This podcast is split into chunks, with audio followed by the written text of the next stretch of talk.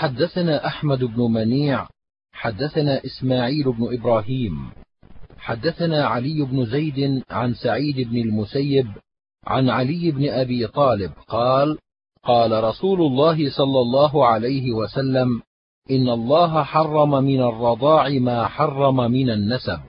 قال وفي الباب عن عائشة وابن عباس وأم حبيبة. قال أبو عيسى حديث علي حسن صحيح. والعمل على هذا عند عامة أهل العلم من أصحاب النبي صلى الله عليه وسلم وغيرهم. لا نعلم بينهم في ذلك اختلافا. حدثنا بندار حدثنا يحيى بن سعيد القطان. حدثنا مالك وحدثنا إسحاق بن موسى الأنصاري قال حدثنا معن قال حدثنا مالك عن عبد الله بن دينار عن سليمان بن يسار عن عروة بن الزبير عن عائشة قالت قال رسول الله صلى الله عليه وسلم إن الله حرم من الرضاعة ما حرم من الولادة. قال أبو عيسى هذا حديث حسن صحيح. والعمل على هذا عند أهل العلم من أصحاب النبي صلى الله عليه وسلم وغيرهم لا نعلم بينهم في ذلك اختلافا. حدثنا الحسن بن علي الخلال حدثنا ابن نمير عن هشام بن عروة عن أبيه عن عائشة قالت جاء عمي من الرضاعة يستأذن علي فأبيت أن آذن له حتى أستأمر رسول الله صلى الله عليه وسلم. فقال رسول الله صلى الله عليه وسلم فليلج عليك فإنه عمك. قالت إنما أرضعتني المرأة ولم يرضعني الرجل. قال فإنه عمك فليلج عليك. قال أبو عيسى هذا حديث حسن صحيح والعمل على هذا عند بعض أهل العلم من أصحاب النبي صلى الله عليه وسلم وغيرهم. كرهوا لبن الفحل والأصل في هذا حديث عائشة. وقد رخص بعض أهل العلم في لبن الفحل والقول الأول أصح. حدثنا قتيبة حدثنا مالك وحدثنا الأنصاري. حدثنا معن قال حدثنا مالك عن ابن شهاب عن عمرو بن الشريد عن ابن عباس أنه سئل عن رجل له جاريتان أرضعت إحداهما جارية والأخرى غلاما. أيحل للغلام أن يتزوج بالجارية؟ فقال لا اللقاح واحد. قال أبو عيسى وهذا الأصل في هذا الباب وهو قول أحمد وإسحاق. حدثنا محمد بن عبد الأعلى الصنعاني قال حدثنا المعتمر بن سليمان قال سمعت أيوب يحدث عن عبد الله بن أبي مليكة عن عبد الله بن الزبير عن عائشة عن النبي صلى الله عليه وسلم قال لا تحرم المصة ولا المصتان قال وفي الباب عن أم الفضل وأبي هريرة وزبير بن العوام وابن الزبير وروى غير واحد هذا الحديث عن هشام بن عروة عن أبيه عن عبد الله بن الزبير عن النبي صلى الله عليه وسلم قال لا تحرم المصة ولا المصتان وروى محمد بن دينار عن هشام بن عروة عن أبيه عن عبد الله بن الزبير عن الزبير عن النبي عليه الصلاة والسلام وزاد فيه محمد بن دينار البصري عن الزبير عن النبي صلى الله عليه وسلم وهو غير محفوظ والصحيح عند أهل الحديث حديث ابن أبي مليكة عن عبد الله بن الزبير عن عائشة عن النبي صلى الله عليه وسلم. قال أبو عيسى حديث عائشة حديث حسن صحيح. وسألت محمدا عن هذا فقال الصحيح عن ابن الزبير عن عائشة وحديث محمد بن دينار وزاد فيه عن الزبير. وإنما هو هشام بن عروة عن أبيه عن الزبير. والعمل على هذا عند بعض أهل العلم من أصحاب النبي صلى الله عليه وسلم وغيرهم. وقالت عائشة أنزل في القرآن عشر رضعات معلومات فنسخ من ذلك خمس وصار إلى خمس رضعات معلومات فتوفي رسول الله صلى الله عليه وسلم والأمر على ذلك. حدثنا بذلك إسحاق بن موسى الأنصاري حدثنا مالك حدثنا معن عن عبد الله بن أبي بكر عن عمرة عن عائشة بهذا وبهذا كانت عائشة تفتي وبعض أزواج النبي صلى الله عليه وسلم وهو قول الشافعي وإسحاق وقال أحمد بحديث النبي صلى الله عليه وسلم لا تحرم المصة ولا المصتان. وقال إن ذهب ذاهب إلى قول عائشة في خمس رضعات فهو مذهب قوي. وجبن عنه أن يقول فيه شيئا. وقال بعض أهل العلم من أصحاب النبي صلى الله عليه وسلم وغيرهم يحرم قليل الرضاع وكثيره إذا وصل إلى الجوف وهو قول سفيان الثوري ومالك بن أنس والأوزاعي وعبد الله بن المبارك ووكيع وأهل الكوفة. عبد الله بن أبي مليكة هو عبد الله بن عبيد الله بن أبي مليكة. ويكنى أبا محمد وكان عبد الله قد استقضاه على الطائف. وقال ابن جريج عن ابن أبي مليكة قال أدركت ثلاثين من أصحاب النبي صلى الله عليه وسلم. حدثنا علي بن حجر حدثنا إسماعيل بن إبراهيم عن أيوب عن عبد الله بن أبي مليكة قال حدثني عبيد بن أبي مريم عن عقبة بن الحارث قال وسمعته من عقبة ولكني لحديث عبيد أحفظ. قال تزوجت امرأة فجاءتنا امرأة سوداء فقالت إني قد أرضعتكما. فأتيت النبي صلى الله عليه وسلم فقلت تزوجت فلانة بنت فلان فجاءتنا امرأة سوداء فقالت إني قد أرضعتكما وهي كاذبة. قال فأعرض عني. قال فأتيته من قبل وجهه فأعرض عني بوجهه فقلت إنها كاذبة. قال وكيف بها وقد زعمت أنها قد أرضعتكما دعها عنك. قال وفي الباب عن ابن عمر. قال أبو عيسى حديث عقبة بن الحارث حديث حسن صحيح. وقد روى غير واحد هذا الحديث عن ابن أبي مليكة عن عقبة بن الحارث ولم يذكروا فيه عن عبيد بن أبي مريم ولم يذكروا فيه دعها عنك. والعمل على هذا الحديث عند بعض أهل العلم من أصحاب النبي صلى الله عليه وسلم وغيرهم أجازوا شهادة المرأة الواحدة في الرضاع. وقال ابن عباس تجوز شهادة امرأة واحدة في الرضاع ويؤخذ يمينها وبه يقول أحمد وإسحاق. وقد قال بعض أهل العلم لا تجوز شهادة المرأة الواحدة حتى يكون أكثر وهو قول الشافعي. سمعت الجارود يقول سمعت وكيعا يقول لا تجوز شهادة امرأة واحدة في الحكم ويفارقها في الورع. حدثنا قتيبة حدثنا أبو عوانة عن هشام بن عروة عن أبيه عن فاطمة بنت المنذر وفاطمة بنت المنذر بن الزبير بن العوام. وهي امرأة هشام بن عروة. عن أم سلمة قالت قال رسول الله صلى الله عليه وسلم لا يحرم من الرضاعة إلا ما فتق الأمعاء في الثدي وكان قبل الفطام. قال أبو عيسى هذا حديث حسن صحيح والعمل على هذا عند أكثر أهل العلم من أصحاب النبي صلى الله عليه وسلم وغيرهم أن الرضاعة لا تحرم إلا ما كان دون الحولين وما كان بعد الحولين الكاملين فإنه لا يحرم شيئا. حدثنا قتيبة حدثنا حاتم بن إسماعيل عن هشام بن عروة عن حجاج بن حجاج الأسلمي عن أبيه أنه سأل النبي صلى الله عليه وسلم فقال يا رسول الله ما يذهب عني مذمة الرضاع؟ فقال غرة عبد أو أمة. قال أبو عيسى هذا حديث حسن صحيح ومعنى قوله ما يذهب عني مذمة الرضاع يقول إنما يعني به ذمام الرضاعة وحقها. يقول إذا أعطيت المرضعة عبدا أو أمة فقد قضيت ذمامها.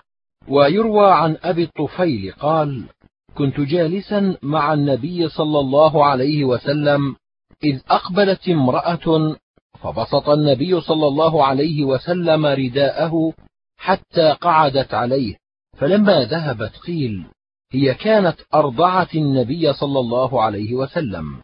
هكذا رواه يحيى بن سعيد القطان وحاتم بن إسماعيل وغير واحد عن هشام بن عروة عن أبيه عن حجاج بن حجاج عن أبيه عن النبي صلى الله عليه وسلم. وروى سفيان بن عيينة عن هشام بن عروة عن أبيه عن حجاج بن أبي حجاج عن ابيه عن النبي صلى الله عليه وسلم. وحديث ابن عيينة غير محفوظ. والصحيح ما روى هؤلاء عن هشام بن عروة عن أبيه. وهشام بن عروة يكنى أبا المنذر وقد أدرك جابر بن عبد الله وابن عمر. وفاطمة بنت المنذر بن الزبير بن العوام هي امرأة هشام بن عروة.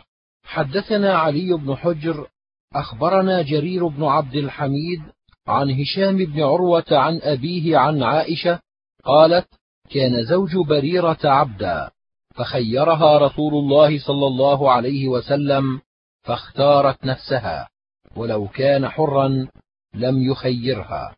حدثنا هناد حدثنا أبو معاوية عن الأعمش عن إبراهيم عن الأسود عن عائشة قالت كان زوج بريرة حرا فخيرها رسول الله صلى الله عليه وسلم. قال أبو عيسى حديث عائشة حديث حسن صحيح. هكذا روى هشام عن أبيه عن عائشة قالت كان زوج بريرة عبدا وروى عكرمة عن ابن عباس قال رأيت زوج بريرة وكان عبدا يقال له مغيث. وهكذا روي عن ابن عمر والعمل على هذا عند بعض أهل العلم. وقالوا إذا كانت الأمة تحت الحر فأعتقت فلا خيار لها. وإنما يكون لها الخيار إذا أعتقت وكانت تحت عبد وهو قول الشافعي وأحمد وإسحاق. وروى الأعمش عن إبراهيم عن الأسود عن عائشة قالت كان زوج بريرة حرا فخيرها رسول الله صلى الله عليه وسلم. وروى أبو عوانة هذا الحديث عن الأعمش عن إبراهيم عن الأسود عن عائشة في قصة بريرة. قال الأسود وكان زوجها حرا والعمل على هذا عند بعض أهل العلم من التابعين ومن بعدهم وهو قول سفيان الثوري وأهل الكوفة. حدثنا هناد حدثنا عبدة عن سعيد بن أبي عروبة عن أيوب وقتادة عن عكرمه عن ابن عباس أن زوج بريرة كان عبدا أسود لبني المغيرة يوم أعتقت بريرة والله لكأني به في طرق المدينة ونواحيها. وإن دموعه لتسيل على لحيته يترضاها لتختاره فلم تفعل.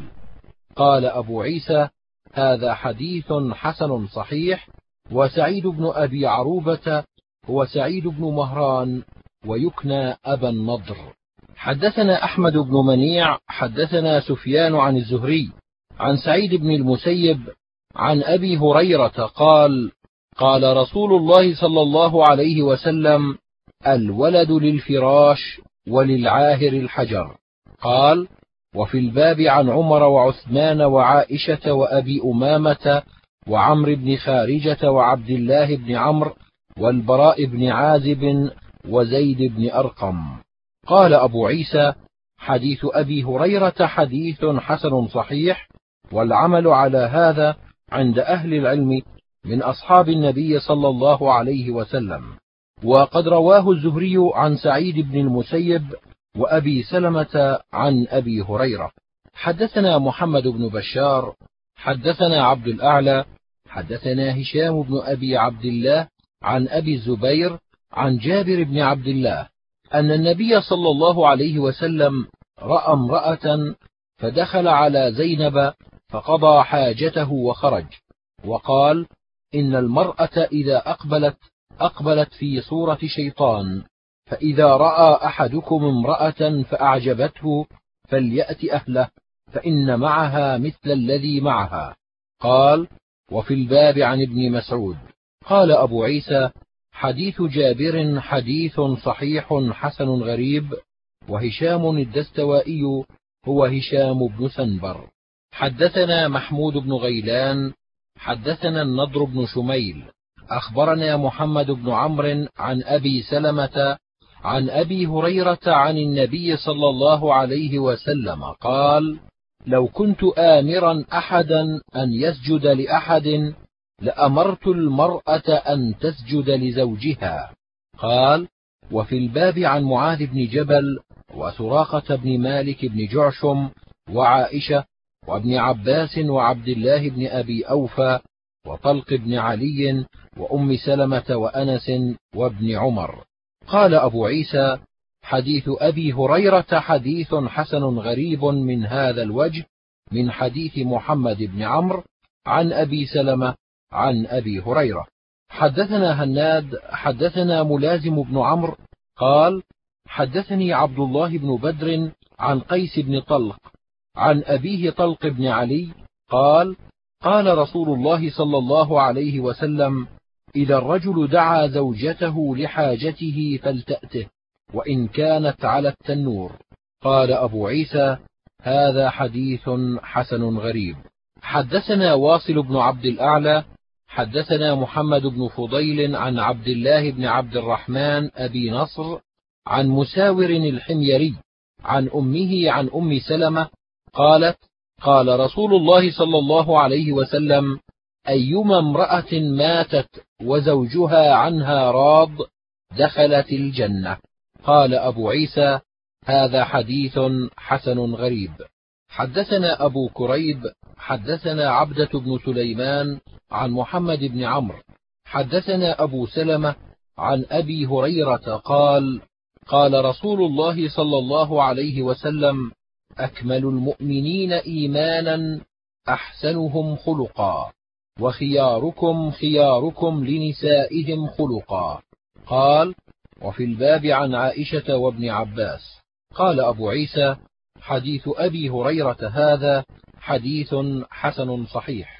حدثنا الحسن بن علي الخلال حدثنا الحسين بن علي الجعفي عن زائدة عن شبيب بن غرقدة عن سليمان بن عمرو بن الأحوص قال حدثني أبي أنه شهد حجة الوداع مع رسول الله صلى الله عليه وسلم فحمد الله وأثنى عليه وذكر ووعظ فذكر في الحديث قصة فقال ألا واستوصوا بالنساء خيرا فإنما هن عوان عندكم ليس تملكون منهن شيئا غير ذلك إلا أن يأتين بفاحشة مبينة فإن فعلن فاهجروهن في المضاجع واضربوهن ضربا غير مبرح فإن أطعنكم فلا تبغوا عليهن سبيلا ألا إن لكم على نسائكم حقا ولنسائكم عليكم حقا فأما حقكم على نسائكم فلا يوطئن فرشكم من تكرهون ولا يأذن في بيوتكم لمن تكرهون. ألا وحقهن عليكم أن تحسنوا إليهن في كسوتهن وطعامهن. قال أبو عيسى هذا حديث حسن صحيح ومعنى قوله عوان عندكم يعني أسرى في أيديكم. حدثنا أحمد بن منيع وهناد. قالا حدثنا أبو معاوية عن عاصم الأحول عن عيسى بن حطان عن مسلم بن سلام عن علي بن طلق قال أتى أعرابي النبي صلى الله عليه وسلم فقال يا رسول الله الرجل منا يكون في الفلاة فتكون منه الرويحة ويكون في الماء قلة. فقال رسول الله صلى الله عليه وسلم إذا فسى أحدكم فليتوضأ ولا تأتوا النساء في أعجازهن فإن الله لا يستحيي من الحق. قال وفي الباب عن عمر وخزيمة بن ثابت وابن عباس وأبي هريرة. قال أبو عيسى حديث علي بن طلق حديث حسن. وسمعت محمدا يقول لا أعرف لعلي بن طلق عن النبي صلى الله عليه وسلم غير هذا الحديث الواحد ولا أعرف هذا الحديث من حديث طلق بن علي السحيمي وكأنه رأى أن هذا رجل آخر من أصحاب النبي صلى الله عليه وسلم. حدثنا أبو سعيد الأشج حدثنا أبو خالد الأحمر عن الضحاك بن عثمان عن مخرمة بن سليمان عن كريب عن ابن عباس قال قال رسول الله صلى الله عليه وسلم لا ينظر الله إلى رجل أتى رجلا أو امرأة في الدبر. قال أبو عيسى هذا حديث حسن غريب. وروى وكيع هذا الحديث حدثنا قتيبة وغير واحد قالوا حدثنا وكيع عن عبد الملك بن مسلم وهو ابن سلام عن أبيه عن علي قال قال رسول الله صلى الله عليه وسلم إذا فسى أحدكم فليتوضأ ولا تأتوا النساء في أعجازهن. قال أبو عيسى وعلي هذا هو علي بن طلق.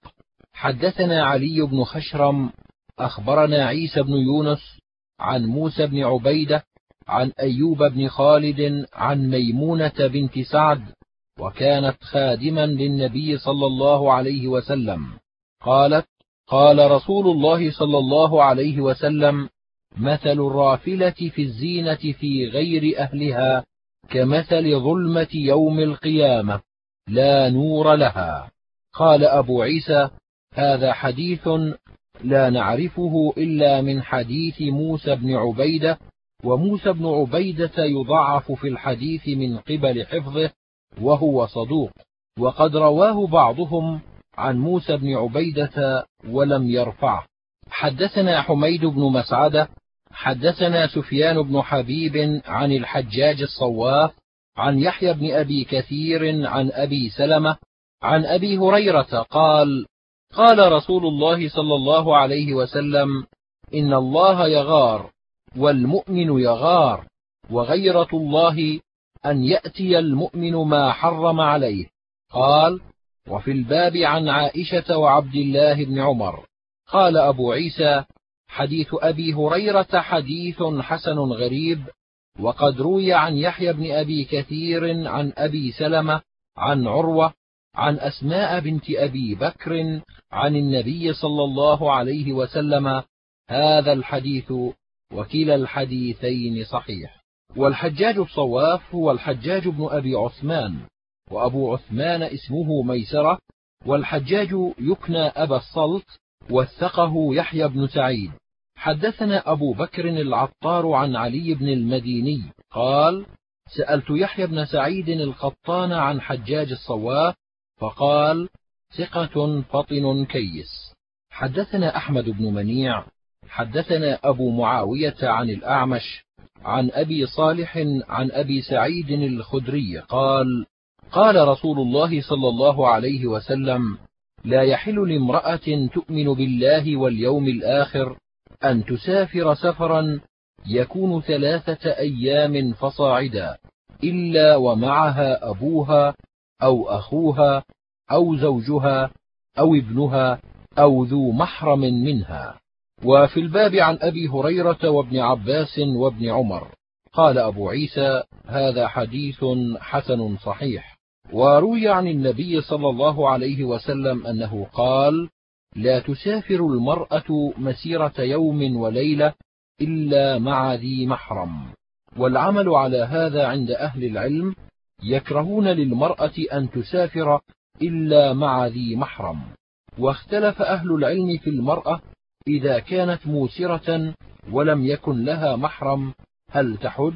فقال بعض أهل العلم لا يجب عليها الحج لأن المحرم من السبيل لقول الله عز وجل من استطاع إليه سبيلا فقالوا إذا لم يكن لها محرم فلا تستطيع إليه سبيلا وهو قول سفيان الثوري وأهل الكوفة. وقال بعض أهل العلم إذا كان الطريق آمنا فإنها تخرج مع الناس في الحج وهو قول مالك والشافعي حدثنا الحسن بن علي الخلال حدثنا بشر بن عمر حدثنا مالك بن أنس عن سعيد بن أبي سعيد عن ابيه عن أبي هريرة قال قال رسول الله صلى الله عليه وسلم لا تسافر امرأة مسيرة يوم وليلة إلا ومعها ذو محرم. قال أبو عيسى هذا حديث حسن صحيح. حدثنا قتيبة حدثنا الليث عن يزيد بن أبي حبيب عن أبي الخير عن عقبة بن عامر أن رسول الله صلى الله عليه وسلم قال إياكم والدخول على النساء. فقال رجل من الأنصار يا رسول الله أفرأيت الحمو قال الحمو الموت. قال وفي الباب عن عمر وجابر وعمرو بن العاص. قال أبو عيسى حديث عقبة بن عامر حديث حسن صحيح وإنما معنى كراهية الدخول على النساء على نحو ما روي عن النبي صلى الله عليه وسلم قال لا يخلون رجل بامرأة إلا كان ثالثهما الشيطان. ومعنى قوله الحمو يقال هو أخو الزوج كأنه كره له أن يخلو بها.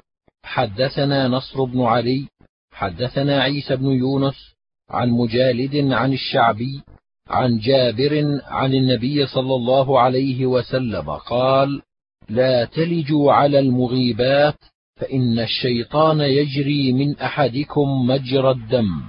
قلنا ومنك؟ قال ومني ولكن الله أعانني عليه فأسلم. قال أبو عيسى هذا حديث غريب من هذا الوجه. وقد تكلم بعضهم في مجالد بن سعيد من قبل حفظه وسمعت علي بن خشرم يقول قال سفيان بن عيينة في تفسير قول النبي صلى الله عليه وسلم ولكن الله أعانني عليه فأسلم يعني أسلم أنا منه. قال سفيان والشيطان لا يسلم. ولا تلجوا على المغيبات والمغيبة المرأة التي يكون زوجها غائبا والمغيبات جماعة المغيبة.